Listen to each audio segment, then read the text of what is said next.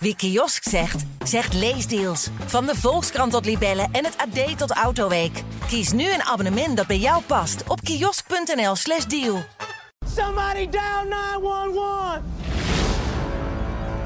What hit us? Small asteroid fragments. This morning. How big were those? Those were nothing. The size of basketballs and Volkswagens. This new one you're tracking, how big? It's the size of Texas, Mr. President.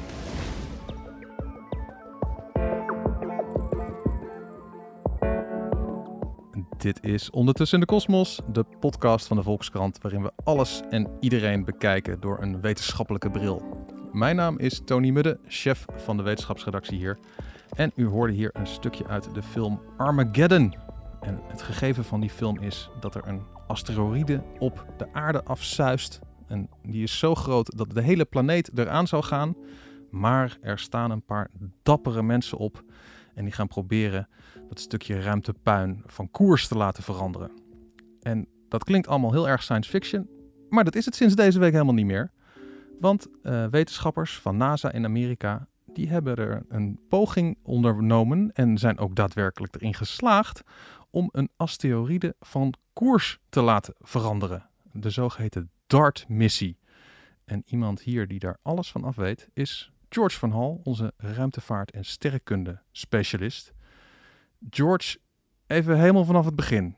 Wat was het idee achter die DART-missie? Nou ja, het is inderdaad eigenlijk een beetje, hè, zoals je al zei, uh, voor het scenario bekend uit de films dat er zo'n ruimterots op aarde afraast en die dreigt in te slaan. Um, ja, wat kun je dan doen hè? als je het uh, uh, Hollywood-kanon erop naslaat? Dan kun je hem kapot schieten met atoombommen. Ja. Of uh, je kunt er zoals in Armageddon inderdaad olieborders op afsturen. Nou ja, allemaal vreemde ideeën. Maar wat misschien slimmer is, en dat is wat ze bij DART gaan doen, is daar hebben ze een soort, ja, een soort kosmische kamikaze-drone. Een soort kogel hebben ze erop afgeschoten. Mhm. Die zich daarin geboord heeft in zo'n verre planetoïde. En dan krijgt dat stuk ruimtesteen een zetje. En als je dat maar vroeg genoeg doet, als die steen nog ver genoeg van aarde is, dan is zelfs een klein zetje al genoeg om hem net nou, een paar graden uit zijn baan te duwen. En dan mist hij uiteindelijk de aarde, is de verwachting, in plaats van dat hij er bovenop knalt. Ja, en, en even dat, dat ik hem scherp heb, hè? De, die, die planetoïden of asteroïden uh, waar ze dat nu mee doen, dat was er niet eentje die recht op de aarde afkwam, toch? Nee, nee. Planetoïde Dimorphos, ja. zo heet hij, uh, staat hier ontzettend ver vandaan. En uh, wat nog belangrijker is, hij uh, draait om een andere planetoïde heen. Die Dimos heet hij, die is nog wat groter. En um, omdat hij dus, die planetoïde die geraakt werd, om zo'n grotere heen draait, bepaalt die grotere eigenlijk de route door de kosmos. Oké, okay, ja. Dus die wordt meegesleept door die grotere. Ja. En als je dan dus die kleinere van baan verandert, ja, dan verandert er niks aan waar die plotseling opduikt. Uh, bovendien waren deze twee helemaal niet op ramkoers met aarde of zoiets. En ze zijn ook niet nu ineens wel op ramkoers met de aarde door deze nee. Nee, nee, okay, nee alleen, die kleine, alleen die kleine is uh, van baan veranderd. En die kleine die ze dan van baan hebben veranderd, hè? even voor mijn gevoel, was die uh, formaat uh, voetbalstadion, formaat um, een, een, mijn huis, waar, waar, hebben we het over? Nou ja, 160 meter diameter. Ja, mijn dus huis dat ongeveer. is. Nee, nee, niet mijn huis, grapje. Dat zou jouw huis kunnen zijn, ik nee, weet niet. Nee, nee. maar het is eerder voetbalstadion dus. Ja, ja, ja. Uh, Euromast, zoiets. Uh, Domtoren, een beetje die, uh, die orde grootte.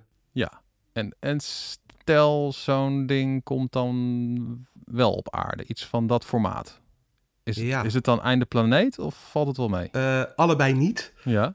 Nou ja, de grootste kans is dat het wel meevalt. En dat is als die ergens gewoon in de oceaan plonst of iets dergelijks. Mm -hmm. Dan kun je wel nog een, uh, een tsunami krijgen. En dat is ook niet leuk, zoals we weten. Ja. Uh, maar het is niet alsof uh, de aarde in tweeën breekt of er een heel groot stuk af, afgeschoten wordt of nou ja, zoiets geks. Maar als je nou goed pech hebt um, en hij raakt bijvoorbeeld, ik noem maar iets, New York of Parijs of Amsterdam, mm -hmm. um, dan worden dat soort metropolen wel van de planeet weggevaagd. Uh, oh, dus je ja. bent, uh, Compleet. als, het even tegen, Ja, ja, ja. als het even tegen zit, ben je de hele Randstad kwijt als die in Nederland op de verkeerde plek terechtkomt. Oh ja, nou, dan, dan snap ik wel dat het zinnig is om erop te oefenen of om zo'n ding van koers te laten, laten veranderen. En laten we even, wat, wat dat was, uh, nou ja, die impact, dat was dan even al een tijdje geleden. En laten we eens even horen hoe dat klonk in de, hoe noem je dat? De war room, de control room van NASA. Komt-ie. Three, two, one.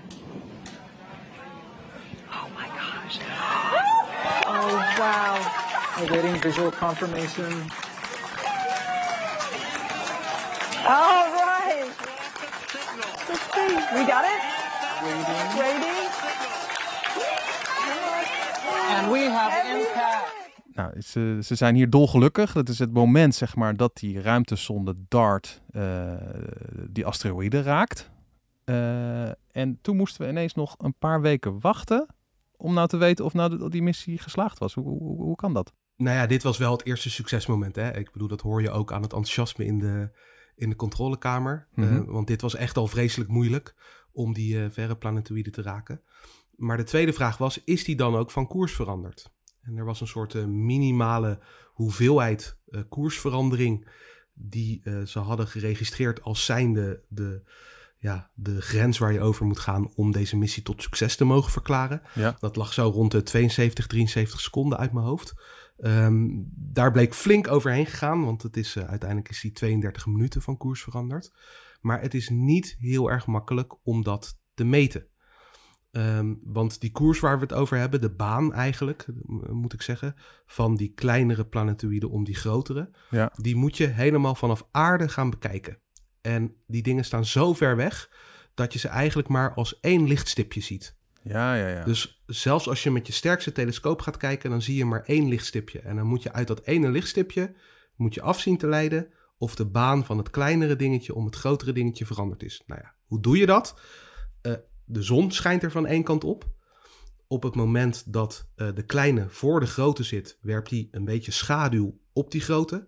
Dus Ja. dan is hij net iets minder helder in totaal, die stip. Ja, En op het moment dat die kleine achter de grote zit, dan zit die helemaal, die kleine helemaal in de schaduw van die grote. En dan is hij dus ook in totaal net iets minder helder. Dus je hebt een soort van dipje als hij aan de voorkant zit en een dipje als hij aan de achterkant zit in de totale lichtintensiteit van dat ene stipje. Nou ja, je begrijpt dan wel, dat is best een gevoelige meting. Met één rondje ben je er niet. Mhm. Dan wil je echt wel een aantal rondjes gemaakt hebben om statistisch helemaal zeker te weten hoe lang die nou over één zo'n omwenteling doet. ja. En die lengte die is uiteindelijk met 32 minuten verkort. Dat wil zeggen dat hij door die zet net iets dichter op die grotere planetoïde is komen te staan. Ja, precies. Ja, ja. Dus je, je, je zit echt gewoon te, te, kijken van, eh, vanaf een hele grote afstand. Ja, ik zit even te zoeken naar een soort, soort parallel op aarde. Als ik bij wijze van spreken iemand volg op Google Maps die, met zijn, eh, die een lange reis maakt met de auto van, eh, ik noem maar wat, Amsterdam naar Kaapstad. En ik zoom dan heel ver uit en, eh, en hij verandert aan het begin een beetje van koers. Dan zie, ik, dan zie ik dat nog niet zo snel. En pas als hij een tijdje bezig is, dan denk ik van... oh ja, nu zie ik echt dat hij de verkeerde kant op aan het rijden is. Moet ik het zo een, be- Ja. een beetje zien? Ja, zo zou je het, ja, zo zou je het kunnen zien. Ja. Ja. En ehm, wat, ik hoorde, wij, gebruiken die woorden, in ieder geval ik een beetje door elkaar. Asteroïde, planetoïde, Ja, eh, meteoriet, ehm, komeet. komeet. Kunnen kunnen even een... eh, hier, Meteor. Even ons eens een mini-cursus. Wat is nou het verschil eigenlijk tussen al die dingen? Nou ja, asteroïden en planetoïden, daarom heb ik je ook niet gecorrigeerd, mag je in principe door elkaar gebruiken. Ja, kom ik Eh, heel dus goed dat is het- Ja, Dat is hetzelfde ding. ja. Eh, dat zijn allebei gewone standaard ruimterotsen die ergens door de ruimte buitelen. Nou is het een beetje een kwestie van definitie. Eh, hè, als zo'n stuk steen dan groter wordt, dan ga je het op een gegeven moment een dwergplaneet noemen. Of als die om een planeet heen draait, dan wordt het een maan. Mhm. Ehm, nou ja, enzovoort. Dan heb je het echt over grote dingen. Kometen, dat zijn dezelfde soort voorwerpen, maar dan een soort van ijsballen. Ehm, dus niet alleen steen, maar ook bevroren spul. ja. En die herken je omdat als ze dan dichter bij de zon komen, dan beginnen ze zo'n mooie staart te trekken, die je soms ook vanaf aarde kunt zien, omdat ze dan een beetje ja, eh, gesmolten materiaal achter zich aantrekken. Ja. Dus dat zijn kometen. Nou ja, dan heb je nog meteorieten. Dat zijn eigenlijk gewoon diezelfde ruimtestenen, maar dan op het moment dat ze op aarde zijn gevallen. Ja, ja, ja. Dan heb je ook nog de meteor, Ja. verwarrend genoeg. En dat is het verschijnsel dat je aan de hemel zo'n vuurbol ziet. Dus dat kan ook weer hetzelfde ruimtesteentje zijn, maar op het moment dat hij onze dampkring invalt en hij begint heet te worden en eh, je kunt hem dus zien omdat hij licht geeft, Ja. dan heet het een meteoor. Al die dingen die jij nu noemt, waar, waar, waar moeten wij dan bang voor zijn omdat ze op aarde kunnen vallen en heel veel schade kunnen aanrichten? Nou ja, het zijn dus eigenlijk allemaal dezelfde dingen op Ja. verschillende fasen in hun bestaan. Ja. Hè, als zo'n eh, planetoïde, want ik noem het meestal een planetoïde, Mhm. omdat dat ehm, eh, in het Nederlands het meest gebruikelijk is. Asteroid wordt in het Engels het meest gebruikt en daardoor raakt het steeds verder ingeburgerd hier ook in, eh, in het Nederlands. Mhm. Ehm, dat zijn de dingen waar ze nu naar zijn gaan kijken. En kometen werken eigenlijk hetzelfde. Ehm, alleen die hebben dus die ijscomponent. Daar moeten we ons zorgen om maken, die dingen. En als die dus eenmaal ingeslagen zijn... en dan zitten ze waarschijnlijk niet meer in één stuk... maar dan heb je allerlei verschillende kleine stukjes... dan noem je het weer meteoriet. En zit, zit de aarde nou in een soort plek in ons zonnestelsel dat je zegt van, eh, nou is het wel een beetje een pechplek zeg. Er komen wel de hele tijd allemaal dingen op af. Of valt het eigenlijk wel mee? Of... Nee hoor, dat valt op zich wel mee. Eh, vergeleken met de rest van het zonnestelsel. eh, alle planeten worden geregeld onder vuur genomen door ronddwalende ruimtestenen. Ja. Op planeten zonder geologische processen. Want op de aarde regent het en stormt het en enzovoorts. Dus dan wordt die, ja, een beetje die gatenkaas die je daarvan krijgt, wordt weer uitgegumd, langzaam maar zeker. Maar op de maan kun je dat zien. Als je naar de maan kijkt, dan zie je daar helemaal eh, het oppervlak totaal gevuld met allerlei kraters van oude inslagen. Ja. Ehm, ja, die is dus in het verleden eh, met enige regelmaat onder vuur genomen. Net zoals de aarde eigenlijk. Ja, want dat vroeg ik me ook af. Hè? Want het, eh, als je inderdaad naar de maan kijkt, dan denk je van zo, die wordt zwaar onder vuur genomen. En ja, de maan zit toch best dicht bij de aarde. Maar Ja. worden wij eigenlijk net zo vaak onder vuur genomen, maar zie je het hier minder omdat ze dan ergens in zee ploffen? Of eh, er is eh, duizend jaar later zijn er allemaal weer bomen overheen gegroeid? Of, of worden wij gewoon veel minder geraakt omdat we op de een of andere manier beschermd, extra beschermd zijn of zo? Nou, we zijn niet extra beschermd ten opzichte van de maan. En als je dus alle geologische processen stil zou zetten, zou je op het aardoppervlak ook echt vreselijk veel van dat soort kraters terugvinden. Ehm, heel veel van die kraters die er nu nog zijn, herken je ook eigenlijk helemaal niet meer als zodanig. Mhm. Want die zijn dan ergens in het verleden in een soort graslandschap terechtgekomen. Nou, daar is dan gewoon weer gras overheen gegroeid. En dat ziet er dan nu uit als een heuvelpartij, weet je wel. Ja, ja, ja. Maar soms herken je het nog wel. Hè? Je hebt je hele beroemde ehm Barringer Crater in Arizona. Mhm. Die is anderhalve kilometer doorsneden uit mijn hoofd. Eh, Het is echt een toeristische trekpleister. Waaruit ook wel blijkt dat je het gewoon niet zo heel vaak meer ziet. ja. Eh, maar dat is echt ergens in een woestijn terechtgekomen. Die is redelijk met rust gelaten. Dus die kun je nog steeds zien zoals die 50.000 jaar geleden ongeveer is ontstaan. En, en, en valt het nou enigszins, ik bedoel, eh, eh, wij leven, nou ja, eh, 90 jaar, misschien wel 100.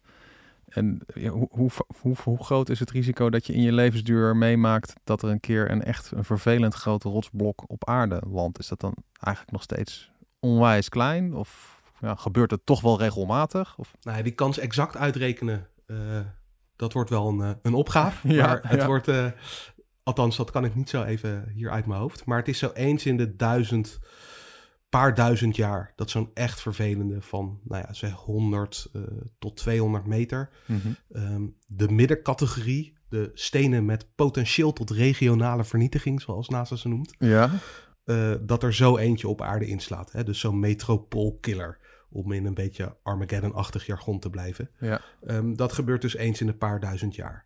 ja. Die echt hele, hele grote, Mhm. zoals in die, eh, in die films zoals Armageddon en Deep Impact en, eh, en Don't Look Up en zo. ja. Ehm, hè, dat zijn, die zijn allemaal ongeveer formaat van de dinosaurus-killer. ja.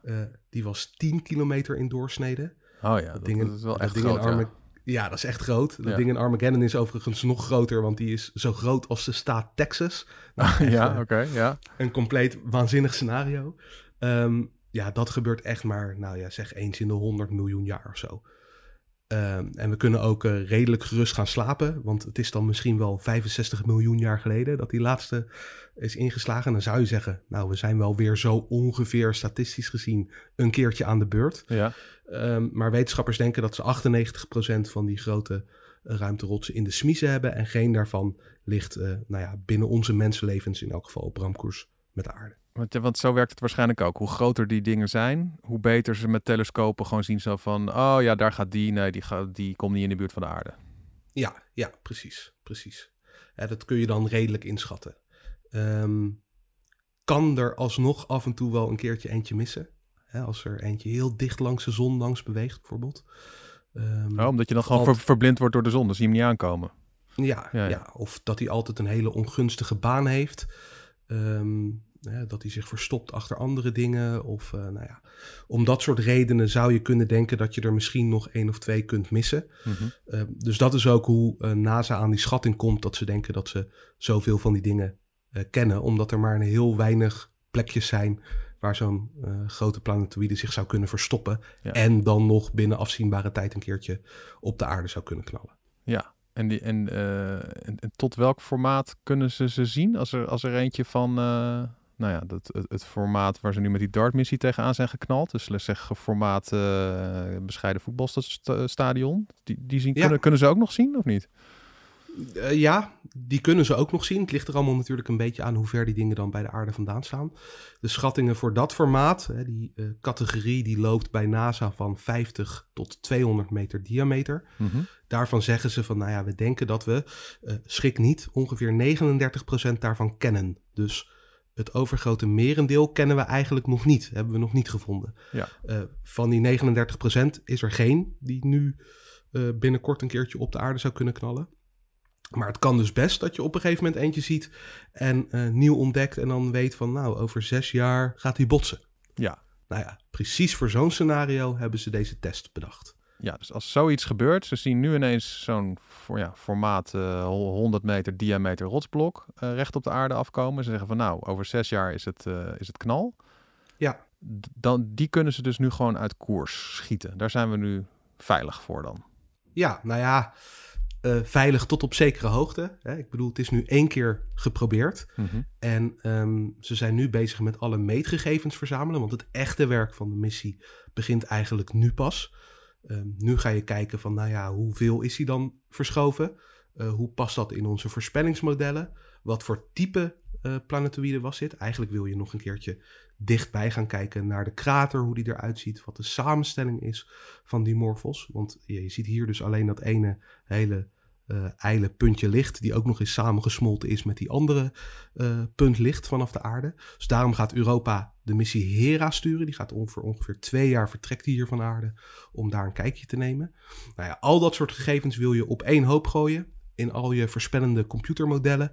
En dan eh, ja, kun je vrij zeker gaan weten als er dan zo'n planetoïde op je afkomt, wat je moet doen. Wanneer moet je hem nou sturen? Hoe hard moet je die zet geven? Onder welke hoek? Ehm, ja, dan kun je dat gaan schatten. Maar dat blijft natuurlijk tot op zekere hoogte een schatting. Eh, want je weet waarschijnlijk niet. Het ligt er heel erg aan hoeveel je kunt meten van zo'n planetoïde die je aan ziet komen. Maar je weet helemaal niet of het één harde steen is, bijvoorbeeld. Of eh, een verzameling eh, samengebald gruis. die al uit elkaar schiet als je er een heel licht setje tegen aangeeft, bij wijze van spreken. Oh ja, dat je dan in plaats van één grote rotsblok op je dak krijg je tien kleine op je dak. Dat, natuurlijk- dat wil je natuurlijk ook niet, dat je hem uit elkaar Ja. schiet. Eh, nee, nou ja, goed, als je ver genoeg weg bent en het zijn echt allemaal hele kleine kiezeltjes eh, relatief, dan eh, valt het misschien nog wel mee. Ehm, maar daar moet je over nadenken. Ja, dan kun je natuurlijk veilige marges nemen van stel dat het zo is en eh, stel dat die eh, eh, één steen is en stel dat het vijf samengebalde stukjes zijn of honderd hele kleine stukjes. Wat gebeurt er dan? Nou ja, al die scenario's kun je doorlopen en dan kun je gaan bedenken wat is onze grootste overlevingskans Hè, wat is onze grootste kans op succes? En dan gaan we daarop inzetten. En hoe meer meetgegevens je van deze ene missie hebt, of misschien in de toekomst dat er nog wel een keer geïnvesteerd wordt in een tweede poging om dit te gaan doen, hoe meer gegevens je hebt, hoe veiliger eh, die gok en die schatting wordt als je het gaat doen.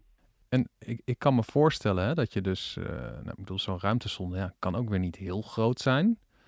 Eh, dus, dus wat ze nu hebben gedaan bij deze DART-missie, ja, dat zie ik een beetje voor me alsof er iets van eh, formaat Skippy-bal op de aarde afkomt. En dan, dan, dan, dan gooi je daar een soort squashballetje tegenaan. En ja, dan zal die inderdaad een heel klein beetje uit koers gaan. En dan als je heel ver weg ervan bent, dan is die best wel ver uit koers gekomen.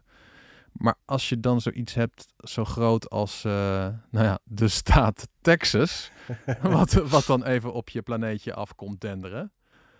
Ja. Ja, daar, daar, daar kan je ruimtesondes tegen aanknallen wat je wil, maar dat ding blijft toch gewoon rechtdoor gaan? Wat, wat doe je dan? Ja, zo'n missie als DART is dus echt ontwikkeld voor die, voor die tussencategorie tot ongeveer 200 meter. Zeker is dat vanaf ongeveer 500 meter gaat het gewoon gegarandeerd niks meer uithalen.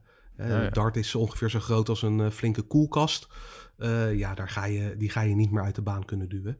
Ja, dan ga je echt naar de extreme Hollywood-achtige scenario's. Mhm. Namelijk, eh, dan moeten we er misschien een atoombom op afsturen. Ehm, en die dan in de buurt laten ontploffen. Want je wilt eh, hem er niet vol op knallen. Want je wilt zo'n ding, nou ja, zoals je net al zei, je wilt hem niet per ongeluk in twee stukken schieten. Ja, Hè, dat je dan een van 200 en een van 300 meter hebt die op je afkomen eh ja. ja. Ook niet heel lekker. Ehm, dus je wilt hem in de buurt laten ontploffen. En dan met de stralingsdruk die er van zo'n eh, kernexplosie afkomt, geef je hem dan ook een zet. Nou, dat kan volgens allerlei computermodellen die we op dit moment hebben voor dat scenario. Alleen dit ga je dan helaas weer niet even testen. Nou ja, ik zeg helaas, dat is heel verstandig dat we dat niet doen. ja. Eh, want je wilt niet zomaar een atoombom de ruimte inschieten. Eh, je kunt je alleen al voorstellen dat er een groot risico op ongeluk is. Hè, er wil nog wel eens een, een raket terug naar aarde vallen of eh, ontploffen eh, in de dampkring. Op het lanceerplatform. Ja. Ja, ja, weet je wel. Nou ja, als dat soort dingen misgaan met een, eh, met een atoombom, dan heb je de poppen behoorlijk aan het dansen. Dus dat, dat mag ook zelfs gewoon letterlijk niet. Het staat in de internationale verdragen dat je dat soort dingen niet mag doen. Dus dat gaan we ook niet doen. ja, dus dat is zo'n risico ga je alleen nemen als je denkt zo van ja, het is of dit, eh, of we krijgen over eh, zes jaar een, eh een, planetoïde van de staat Texas op ons hoofd. Ja, Ja, ja, dan ga je waarschijnlijk wel denken van nou, laten we het dan toch maar proberen. Dan ja. het risico maar nemen. Ja. En hoe gaat dit nu verder? Zijn er nog allerlei onderzoeken om te kijken van kunnen we nog veel meer van die kleine objecten in de gaten houden? Komt er een volgende missie om een nog grotere eh asteroïde te proberen van baan te veranderen? Wat is, wat is de grote volgende nieuwe stap? Nou, er komt geen nieuwe kogel. Althans, die staat op het moment niet in de, in de boeken bij NASA en ESA en dat soort ruimtevaartorganisaties. Eh, dus dit, eh, hier moeten we het voorlopig mee doen met de meetgegevens van DART. Ik sluit niet uit dat ze over tien jaar niet alsnog denken van we gaan nog een poging wagen. Eh, valt of staat waarschijnlijk met het succes van de nieuwe mogelijkheden om die planetoïden waar te nemen.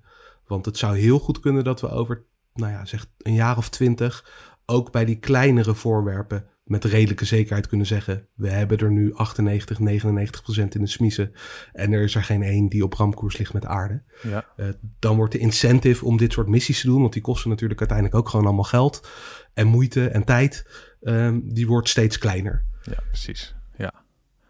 Oké, ja. En als ik het zo vergelijk met, zoals je het net even schetste, hè, met, die, met die risico's en eh, op wat voor termijnen er dan zo'n grote af en toe inslaat.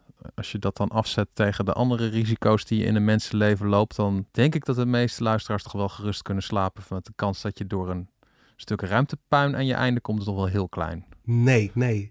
Nee, sterker nog, het enige voorbeeld dat ik ken is van een eh, Amerikaanse vrouw. Elizabeth Fowler Hodges heette zij. eh, die in haar leven geraakt is door een stuk ruimtepuin ter grootte van een grapefruit. Dus wel echt significant kleiner dan de staat Texas. En ehm, die kwam door het dak van haar boerderij naar binnen, stuiterde van haar radio af en raakte haar vervolgens op haar lichaam. Eh, liet wel een eh, hele vervelende blauwe plek achter, maar ze heeft het overleefd. Dat is, dat is toch wel echt heel knap. Dat je een stuk ruimtepuin op je hoofd krijgt en het overleeft.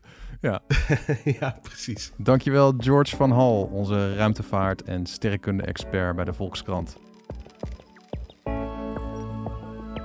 Dit was Ondertussen in de Kosmos, de wetenschapspodcast van de Volkskrant. Over twee weken zijn we er weer met een geheel nieuw onderwerp. Mijn naam is Tony Mudde. Graag tot de volgende keer.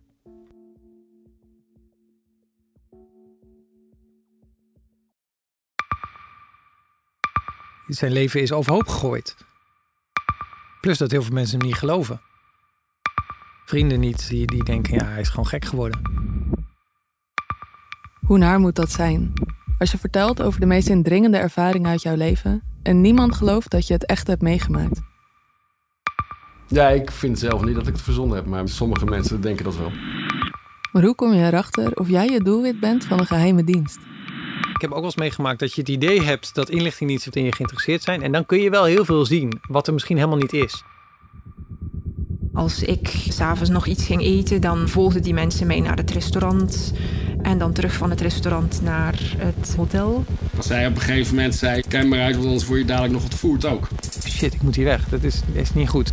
Nu word ik gevolgd. Een soort Truman Show is het gewoon. Hè? Alsof dat hele straatbeeld voor jou is ingericht. Maar dan wel met bedoeling ja, jou niet door te laten. Dit kan geen toeval zijn. Een nieuwe podcast van de Volkskrant. Mijn naam is Simone Eleveld en samen met Huid Modderkolk ontrafel ik een bizarre operatie van de geheime dienst. Wat het doel ook is, jij verliest het. Ik werd opgepakt, heel lang ondervraagd. Maar hoe krijg je grip in een wereld die zo onderzichtig is?